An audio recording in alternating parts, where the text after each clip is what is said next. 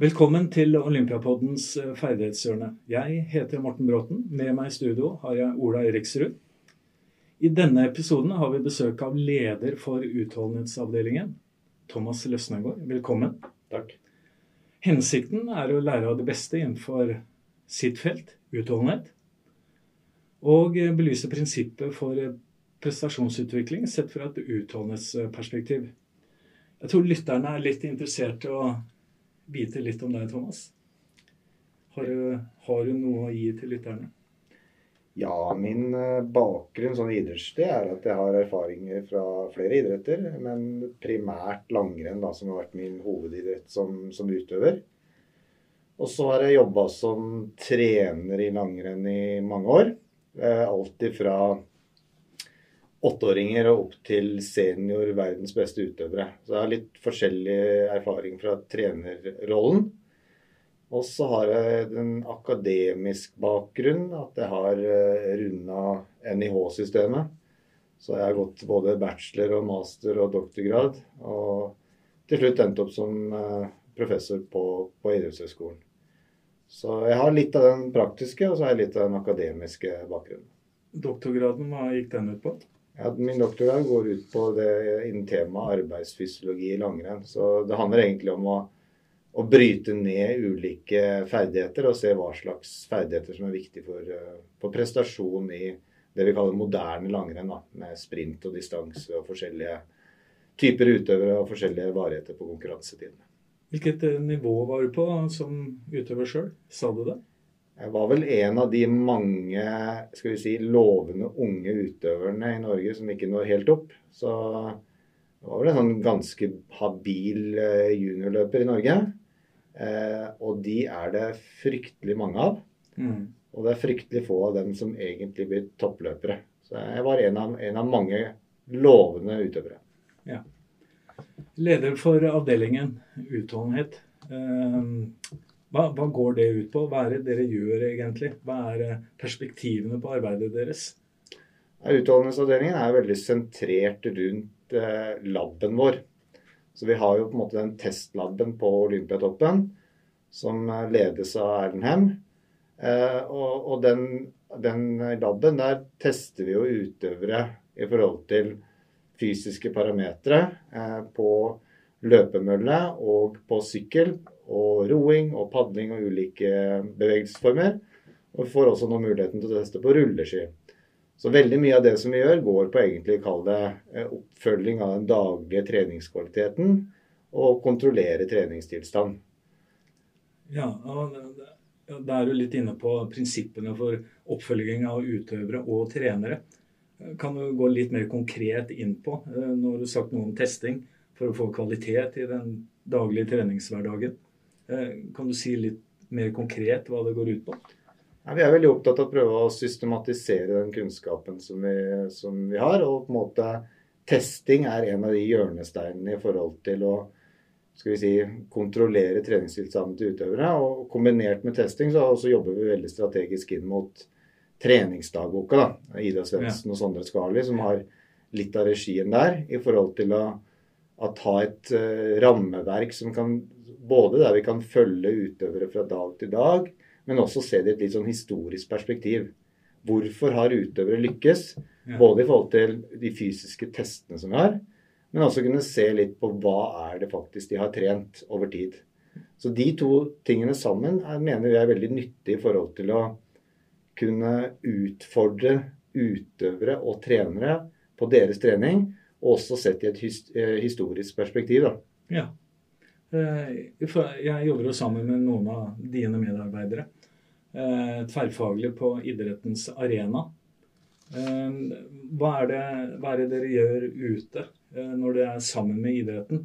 Dere har ikke mølle som dere tester på da. Dere, hvilket arbeid er det dere gjør da? Veldig mye av det arbeidet som vi gjør, handler egentlig om å skal vi si, utfordre idrettene på f.eks. økter. Eh, hva slags type utholdenhetsøkter er det fornuftig? Hvordan skal man gjennomføre utholdenhetsøktene? For det én ting er å vi si, ha en plan på hva du skal gjøre. Men vel så viktig i all trening vet vi er hvordan du gjennomfører den treninga. Og det samme gjelder også for utholdenhet. Altså alle kan gjennomføre en intervall, men det er stor forskjell på de utøverne som kan gjennomføre det på en god måte, kontra de utøverne som kanskje ikke er så gode på gjennomføringsevnen. Så veldig mye av det vi gjør, er egentlig å kvalitetssikre og utfordre utøverne på å gjennomføre den treninga som de skal, på best mulig måte. Litt sånn innspill der. Hvordan er det dere sånn helt praktisk uh, gjør det? La oss si du har noen som gjør det på en god måte, og så har du noen som gjør det på en mindre god måte. Hva slags verktøy er det dere kan bruke der, i, i, i den settingen? Vi har, jo, altså, vi, vi har jo litt sånne eksterne verktøy som vi helt klart kan bruke til å utfordre utøverne på hva de har gjort. Altså, vi har jo disse standardmålene med puls, og vi har eh, GPS-data som vi kan bruke. Så vi bruker gjerne en kombinasjon av litt eh, ytre eksterne verktøy ja. sammen med eh, den erfaringen som vi besitter i forhold til at noe av det beste med Olympiatoppen, det er at vi kan få erfaringer på tvers av idretter. Ja. Så, så, det som vi er, er jo et litt sånn bindeledd mellom flere idretter. Så vi kan se at ok, i noen idretter så fungerer dette veldig bra. Vi drar med oss erfaring fra én idrett, ja. og så trekker vi det over en idrett, annen idrett. Og det, det, kan være noe så enkelt konkret som hvis du skal gjennomføre en uh, god intervalløkt, uh, hva slags varighet, lengde og sånn bør være på det og det nivået. Men også i forhold til f.eks. åpningsfart på det intervalltreninga. Bør du åpne hardt? Bør du åpne rolig?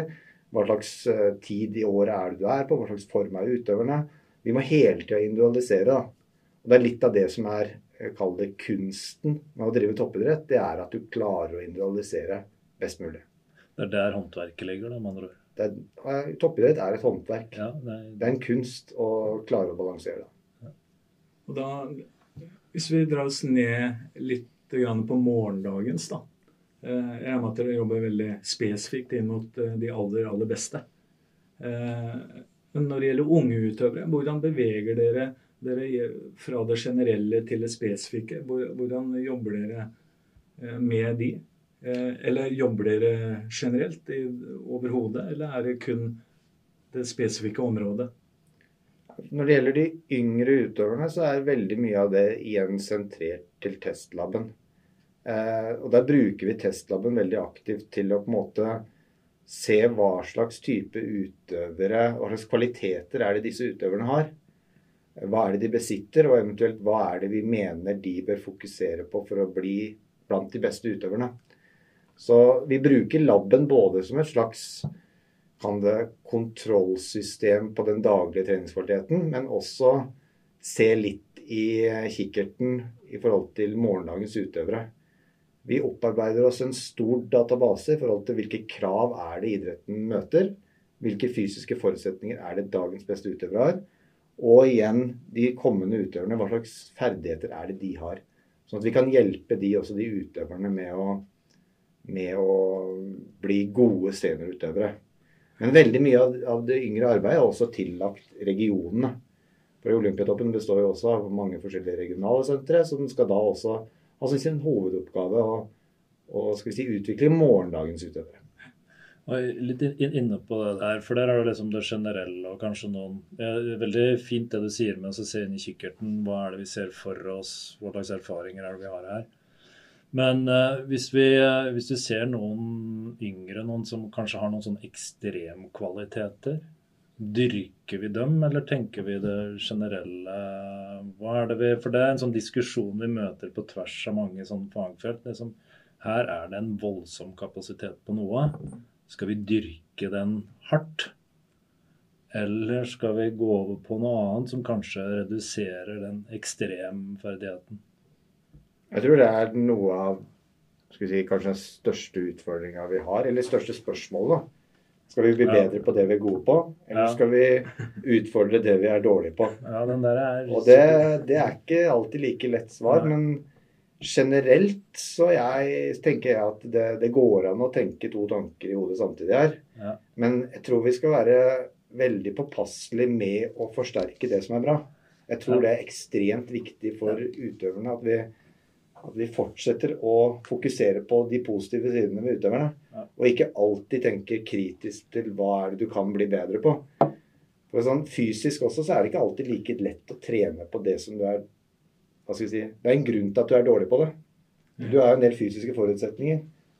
Så, men, men, jeg tror det er et kjempeviktig spørsmål. Ja, for det der er noe vi ser på tvers av masse fagfelt og fagområder. ikke sant? Hvordan er det du vekter den der? Og det der er et vanskelig spørsmål. Vi kan jo dra den videre, for det, det henger litt sammen. Det der med skjæringspunktet med det å bygge motor og ha fokus på det, og det å ha en effektivitet i de tekniske ferdighetene. Liksom, når når man det skjæringspunktet og vet hvor man går hen, og hva man skal dyrke videre i utviklingen? Liksom, hvordan ser dere på dette? Jeg tenker sånn generelt perspektiv så mener jeg at det å dyrke tekniske forutsetninger i barne- og ungdomsstadiet er ekstremt viktig. Jeg, jeg, tror at du kan Det du snakker om motor, jeg tror at veldig mye av det er mulig å ta igjen litt seinere eh, i, i utviklinga. Men at det tekniske er ekstremt viktig å utvikle. Ikke bare for det tekniske i seg selv, men, men også i forhold til eh, det å skape en interesse for feltet. Det å skape en, en, eh, noe eget rundt det med teknikk og utvikling av det. Så jeg mener at kanskje mange trenere, spesielt i de idrettene som jeg kjenner f.eks. i langrenn, er kanskje ikke så opptatt av tekniske ting i barne- og ungdomstreninga som de burde være. Og at den bør være den som er viktigst i veldig mange idretter eh, i barne- og ungdomstreninga. Um jeg har jo noen eksempler hvor jeg ser eh, tiåringer drive med bakkeløp. Ja. Eh, det syns jeg blir feil, da. Hvis, eh, hvis, det er en del av det du mener også. Ja, og forskninga rundt det òg er veldig usikker på hvorvidt skal vi si, den fysiske treningen i seg selv er så veldig viktig i barne- og ungdomsidretten. Mm.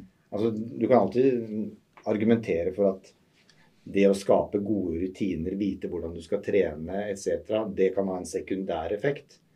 Men hvorvidt fysisk trening er viktig for å utvikle utholdenhet og kondisjon i barne- og ungdomsidretten, det er nok per i dag ganske omdiskutert. Ja.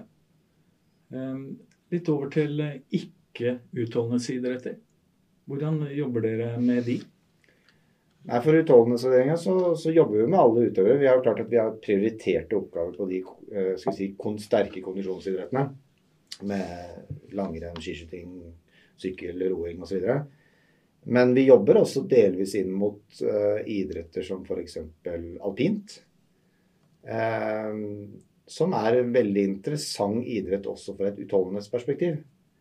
For det er ingen tvil om at det krever en god utholdenhet i alpint. Men det krever ikke nødvendigvis en Kall det en kondisjon, da.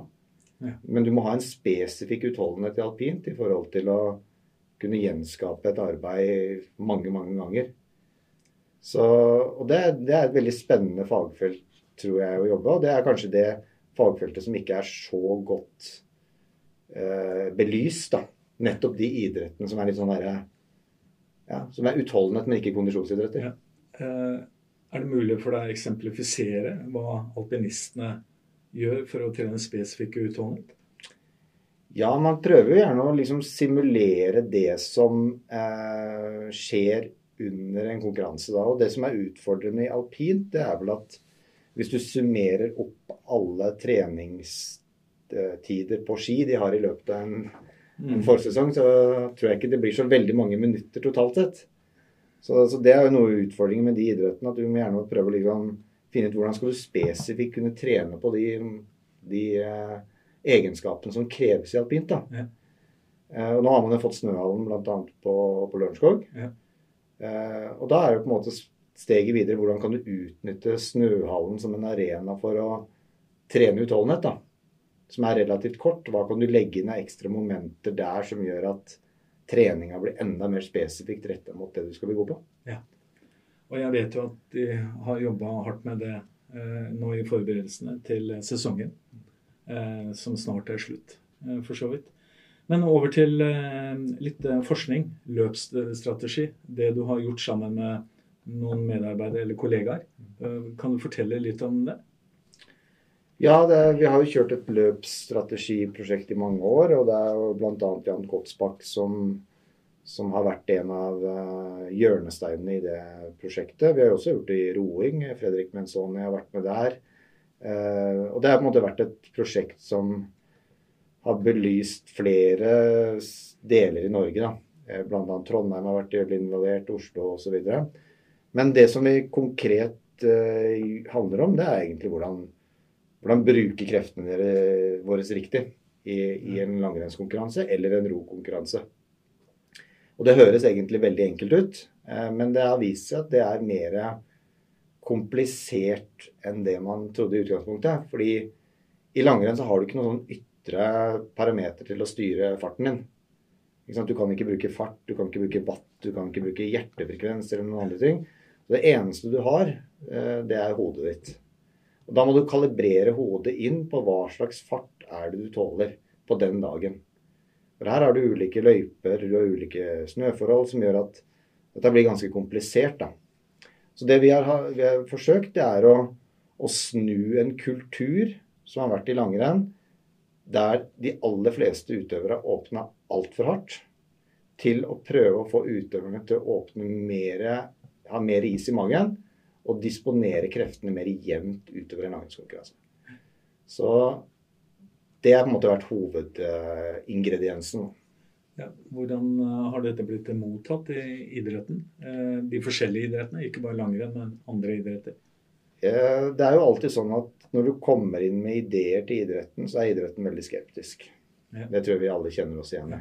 At, og argumentene vi ble møtt med i starten når vi introduserte dette her, var at de ønska ikke å være bak andre utøvere på første sekundering.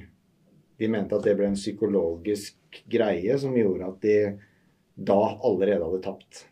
De brukte det som et hovedargument. Og så var det neste argumentet var at vi kunne ikke vite at det å disponere kreftene riktig var den beste måten. Så Derfor så måtte vi gjøre en del forskningsprosjekter som veldig tydelig viste at det hadde veldig stor effekt av å, å gå jevnt. Eh, og vi måtte samtidig jobbe veldig parallelt med utøvere da, på forskjellig nivå, og trenerne, i forhold til å overbevise de om at det er den riktige måten. Og så er det ofte sånn i toppidrett at, at endringen skjer ikke før noen av de beste gjør den endringen ja. og lykkes med det. Og da skjer det en endring. Ja. Og da får du en uh, effekt på alle andre utøvere også. At de ser at dette her er nyttig. Er det i hovedsak langrenn dere har vært inne på? Har dere vært inne på skiskyting? Og du nevnte også ro. Vi har vært inne litt på skiskyting. Vi har vært inne litt på kombinert. Kombinert er jo utfordrende, ja. for der starter du jo i en slags jaktstart. Ja. Så Der handler det jo egentlig om hvordan skal du gå i forhold til de andre. Da blir det veldig komplisert. Eh, skiskyting er utfordrende i forhold til skytinga. Og der er det også mye psykologi inne. At du åpner for passivt, så kanskje du blir passiv også på skytinga. Det kan påvirke sluttresultatet, f.eks. Eh, vi har jobba mye inn mot roing eh, i forhold til å prøve å optimalisere det. Så vi har vært inne, vi har brukt samme metodikken egentlig på veldig mange idretter. Og det var det som jeg nevnte litt innledningsvis også, at styrken til Olympiatoppen er å kunne ta med seg noe fra én idrett og over til en annen, og utvikle si, idrettene på tvers, da, men med samme metodikk. Det tror jeg er helt unikt i Norge kontra veldig mange andre land.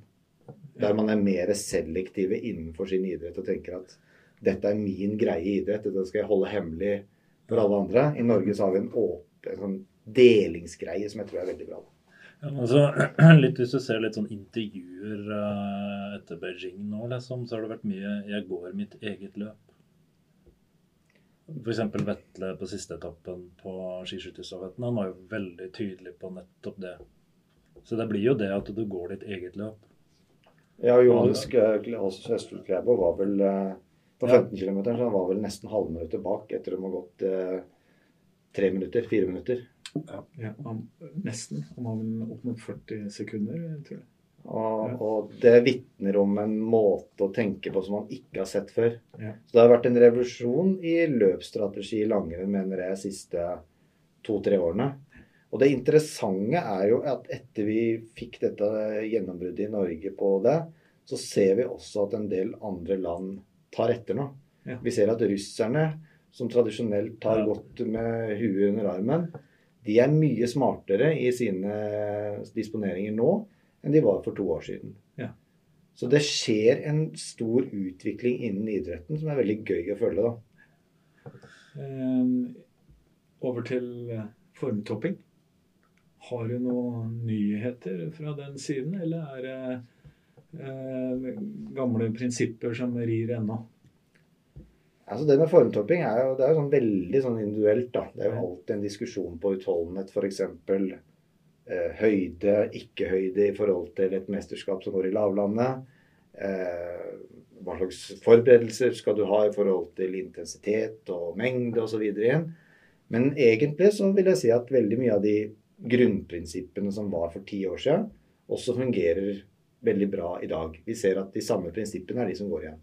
Men med selvsagt med noe individualisering. Ja. Um, men prinsippet er jo egentlig så enkelt som at når du formtopper, så trener du like ofte. Eh, du trener like hardt. Du trener bare litt mindre. Ja. Så det er egentlig en sånn veldig enkel rakett i teorien. Og så viser det seg at det er selvfølgelig utfordrende i praksis. I forhold til at utøvere kanskje får litt hetta når det nærmer seg, og de skal gjerne ta igjen litt av det de ikke fikk trent eh, for to uker siden. Og så får man litt panikk. Og så går det kanskje ikke så bra som det kunne ha gjort hvis man hadde hatt litt mer is i magen. Så det handler om den kontrollen, altså, som du er litt inne på tidligere her òg. At du liksom uh, Hvordan gjennomføre økta og kontrollere det, rett og slett. Jeg tror det handler om kontroll. Og så er jo ikke jeg noen psykolog, men for meg så er selvtillit ekstremt viktig. Altså, Vi ser jo det i løpsdisponering. De som har selvtillit nok til å tørre å stole på de valgene, de lykkes med det. Samme med formtopping. De som har selvtillit nok til å føle seg elendig en uke før de skal gå sitt viktigste løp, og kanskje dagen før også. De som har selvtillit nok til å stole på en plan, det er jo de utøverne som blir enere, vil jeg si. Ja. Det er, det er, så, det er så utrolig viktig. Det vil si at du er inne på taktiske ferdigheter som er, og beslutningstagning underveis og før. Eh, så, men eh, formtopping eh, Da er det lett å prate om høydetrening òg. Prinsipper i forhold til det. Har du lyst til å dele noe med oss og med lytterne? I forhold til høyde og formtopping så er det jo, det er jo veldig individualisert da, hvordan folk velger å gjøre det. Og det er også veldig sånn kulturer i enkelte miljø. Noen eh, utøvere sverger til høydetrening som et helt avgjørende eh, en avgjørende del i forhold til å toppe formen, og har hatt veldig suksess med det i mange år. Mens andre utøvere mener at det har en mindre effekt. Og det er jo litt sånn som vi ser i, også i litteraturen, at det er liksom ikke sånn veldig Det er ikke to streker under svaret. Eh, men at høydetrening har hatt en positiv innvirkning på enkelte utøvere, er det ingen tvil om. I forhold til å prestere. Eh, og så er det jo spørsmålet om man kan generalisere det til alle utøvere. Ja. For dette handler jo også selvfølgelig om treningsfasiliteter også. Det er jo ikke alle kanskje idrettene som er prisgitt å ha de beste treningsfasilitetene i høyde, mens andre har det. Så her er det en sånn skal vi si, Det vi også er opptatt på på, på Olympiatoppen, er å tenke helhet. Vi prøver ikke å tenke bare at det er den ene grunnen. Vi prøver å tenke et slags Kall det holistisk perspektiv. Da. At det er jo mange ting som påvirker prestasjon. Og det med høyde i forhold til et mesterskap kan være en av de. Men det kan ikke gå på bekostning av f.eks. mye annet. Da. Hvilke idretter er det som Jeg skjønner at det er utholdenhet, eh, men eh, hvilke idretter er det som kan profitere på høydetrening og høydeopphold? Jeg tror alle idretter i seg selv kan profitere på det. Eh, Så jeg tror ikke det er noen forskjell på én idrett kontra en annen i forhold til effekten av høyde i seg selv. Så, så det handler mer om treningsfasilitetene som den idretten har. Altså Driver du svømming, så er det Det er ikke mange steder i verden du kan drive høydetrening.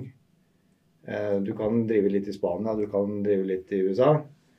Men det er jo ellers litt begrensa. Ja. Eh, Og samme langrenn i forhold til f.eks. rulleskifasiliteter, så er det jo Det er ikke så veldig mange steder som du har de mulighetene. Og det gir, det gir også noen begrensninger. Er det prinsippene Da er det Ullevål. De prinsippene for høydetrening den gangen, er de de samme i dag?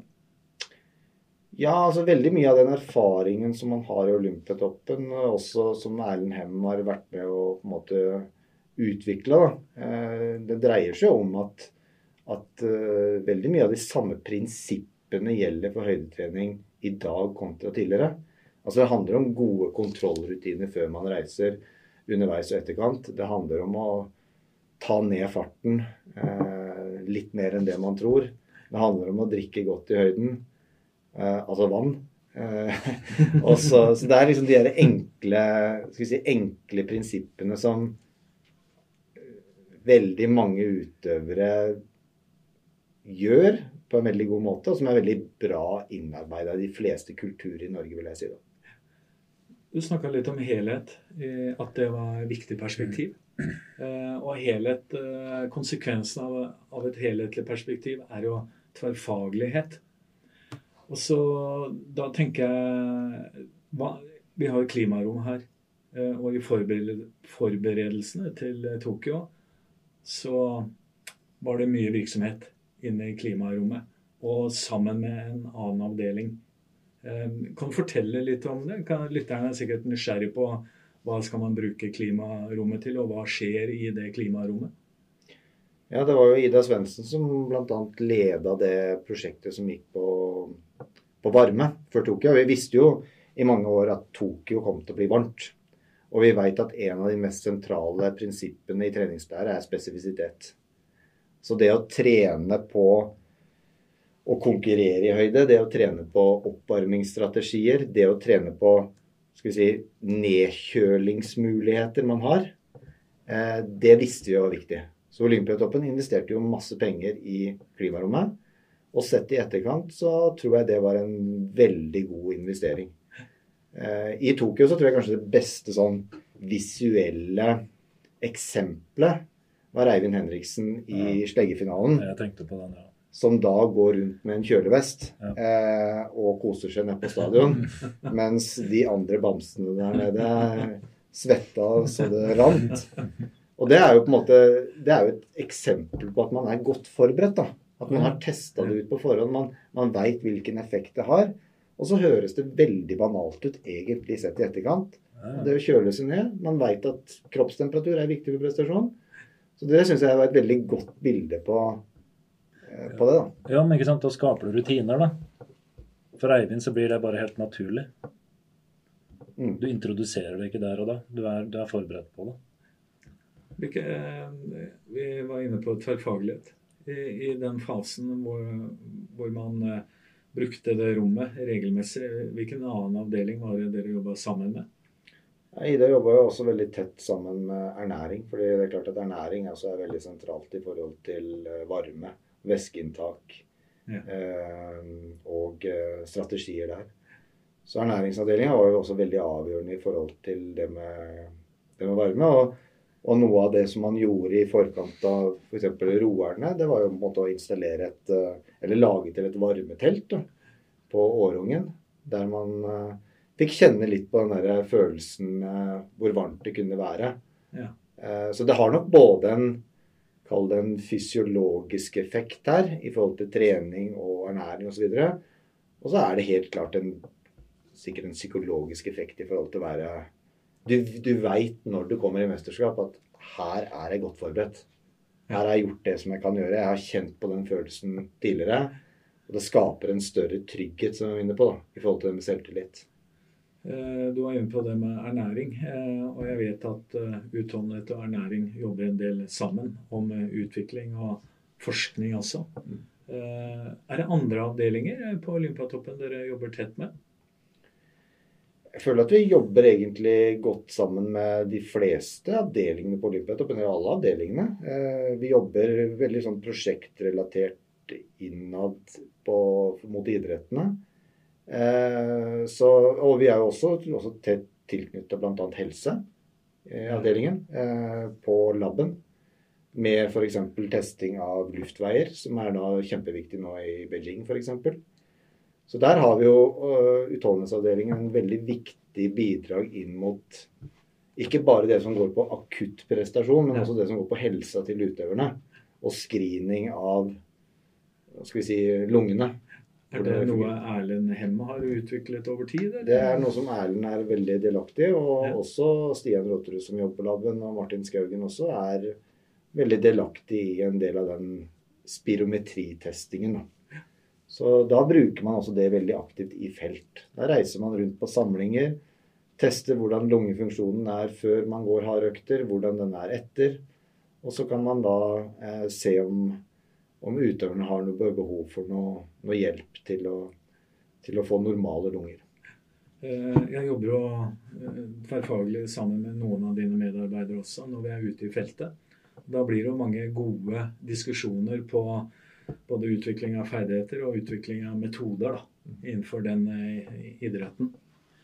Eh, Vi, vi begynner faktisk å nærme oss en avslutning. Ja, jeg, jeg, jeg, tenkte på en, en litt som jeg har lyst til å gå litt tilbake på, Ja. hvis, jeg, hvis jeg får lov. Og det er det her med, med, med løpsstrategi og, og, og kall det pacing, da.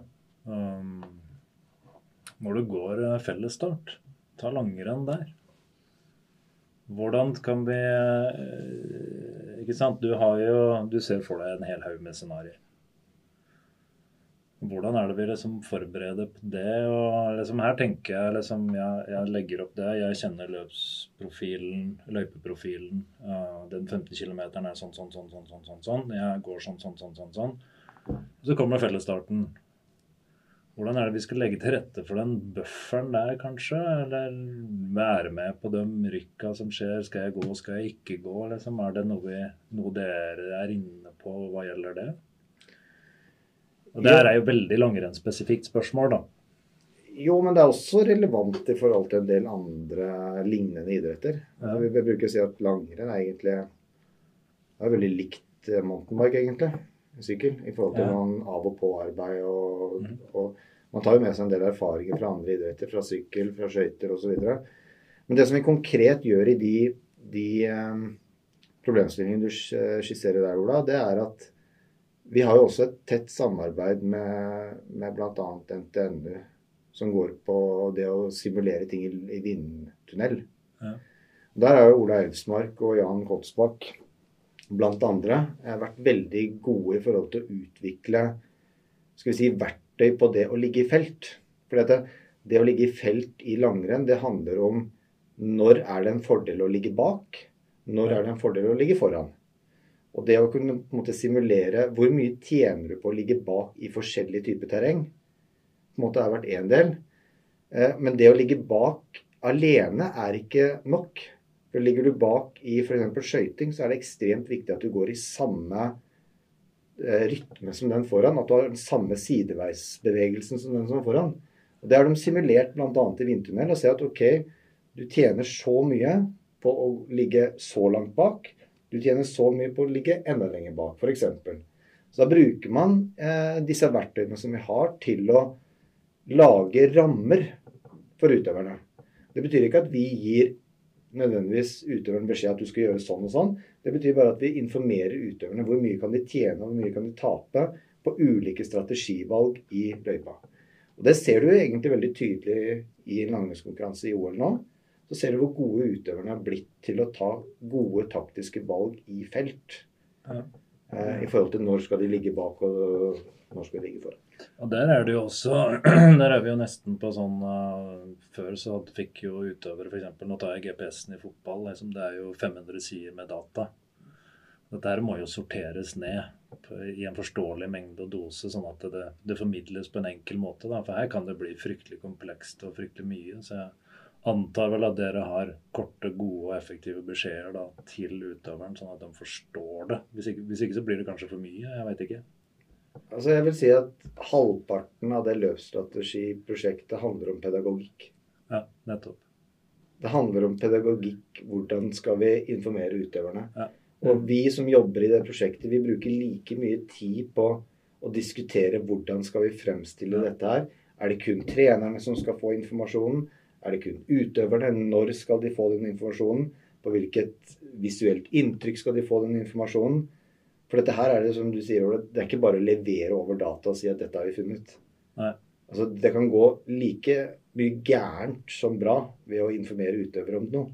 Ja. Så her må vi sortere, her må vi være pedagoger i forhold til hvordan øh, vi går fram. Ja, dette er jo en gjentagende diskusjon vi har. Mm. og Morten, Hva gjelder pedagogikk? Hva formidles? Hva er det du sier? Når sier du det? Hvordan viser du det? Ja, for vi, vi snakker stadig om kommunikasjon, samspill, Ja. om utøvere og med utøvere. Hva er det vi siler ut? Hva velger vi å ta med oss med, sammen med utøveren? Men interessant det du sier. Eh, dere har testa skøyteløp, lagtempo. Ja, den jo Har du vært involvert i det? Jeg har ikke vært så veldig involvert i det sjøl, men øh, Sondre Skarli jo, er jobber jo på utholdenhetsavdelinga. Han er jo tidligere skøytetrener men også vant i Pyeongchang Ja. i 2018. Og der har det blitt jobba veldig systematisk med lagtempo i forhold til det med luftmotstand. Ja. For der ser du jo at de utøverne går mye mer synkront enn alle de andre lagene.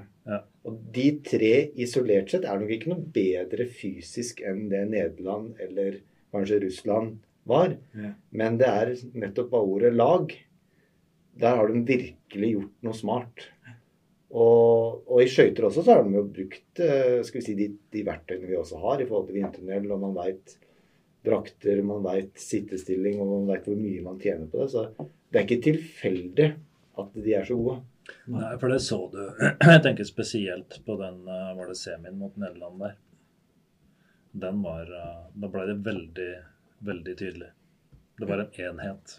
Ja, og ne- nederlenderne er jo tre sterke utøvere som egentlig i utgangspunktet er sterkere enn de Ja. norske. Så det er ganske tydelig. Men det har gjort mye forskning, og, uh, har jeg skjønt, uh, i forhold til det.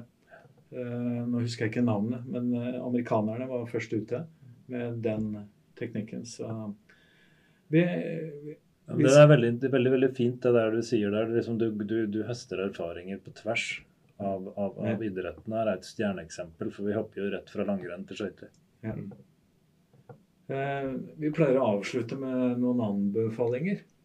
Eh, og anbefalinger ja, si, til trenere, utøvere på klubbnivå, kretsnivå, eller til Idretts-Norge da, i forhold til utholdenhetstrener. Du har sagt litt grann, eh, om det underveis. Eh, men eh, kan du komme, gjenta de anbefalingene til eh, barn og ungdom? Trenere for barn og ungdom? Jeg tenker at er det noe vi har lært siste årene i forhold til de resultatene vi har fått bl.a. i sommer-OL og vinter-OL, så er systematikk helt avgjørende. Det å ha gode, gode rutiner og systematikk, det tror jeg du kan komme ekstremt langt med. Og vi har også vist i Norge at vi kan bli gode i hva som helst. Vi har jo blitt gode til og med i løping i 400 meter hekk, og vi er gode i slegge og i triatlon og sandvolleyball. Altså det er jo Tennis. tennis, og vi har en golfer som er topp fem i verden. Vi har en fotballspiller som er topp ti i verden. Altså vi, vi er blitt gode i de idrettene som ingen trodde at vi kunne bli gode i. Og det handler for meg om systematikk og trene mye. Vi blir ikke gode i noe uten å trene mye. Det er på en måte grunnpilaren, tenker jeg. Og så tror jeg også, eh, i motsetning til mange andre land, så tror jeg vi har en veldig sunn barne- og ungdomstilnærming til idretten. Mm. Med veldig lekbetont, veldig allsidig. Eh, som jeg tror altså, Det er ganske god dekning for å si at det er sannsynligvis en veldig bra måte for oss å utvikle eliteutøvere. Ja. Det at vi har den tålmodigheten som vi har i barne- og ungdomsidretten. Det å skape glede. Og så vil jeg alltid slå et slag for det å på en måte utvikle tekniske og taktiske ferdigheter i barne- og ungdomsidretten. Det tror jeg er Mm. ekstremt viktig. Og så vil jeg si at utholdenhetstreninga fint kan implementeres i den tekniske og taktiske treningen. Det kan være det som er kjernen, teknisk og taktisk. Og så kan man bruke det også til å trene kondisjon og utholdenhet. Jeg tror Med en sånn tilnærming så kan vi også utvikle veldig gode utøvere i framtida. Har du noen tilføyelser eh, eller Nei, noen jeg- flere spørsmål? eh, Nei, altså, du, Resultatenes klare tale, tenker jeg. da, Med et land med så få innbyggere. Uh, altså, New York Times rapporterer på modellen til Norge. Uh, Mm. I det å snakke med utenlandske kolleger, så ser de til Norge som en sånn modell. I motsetning til f.eks.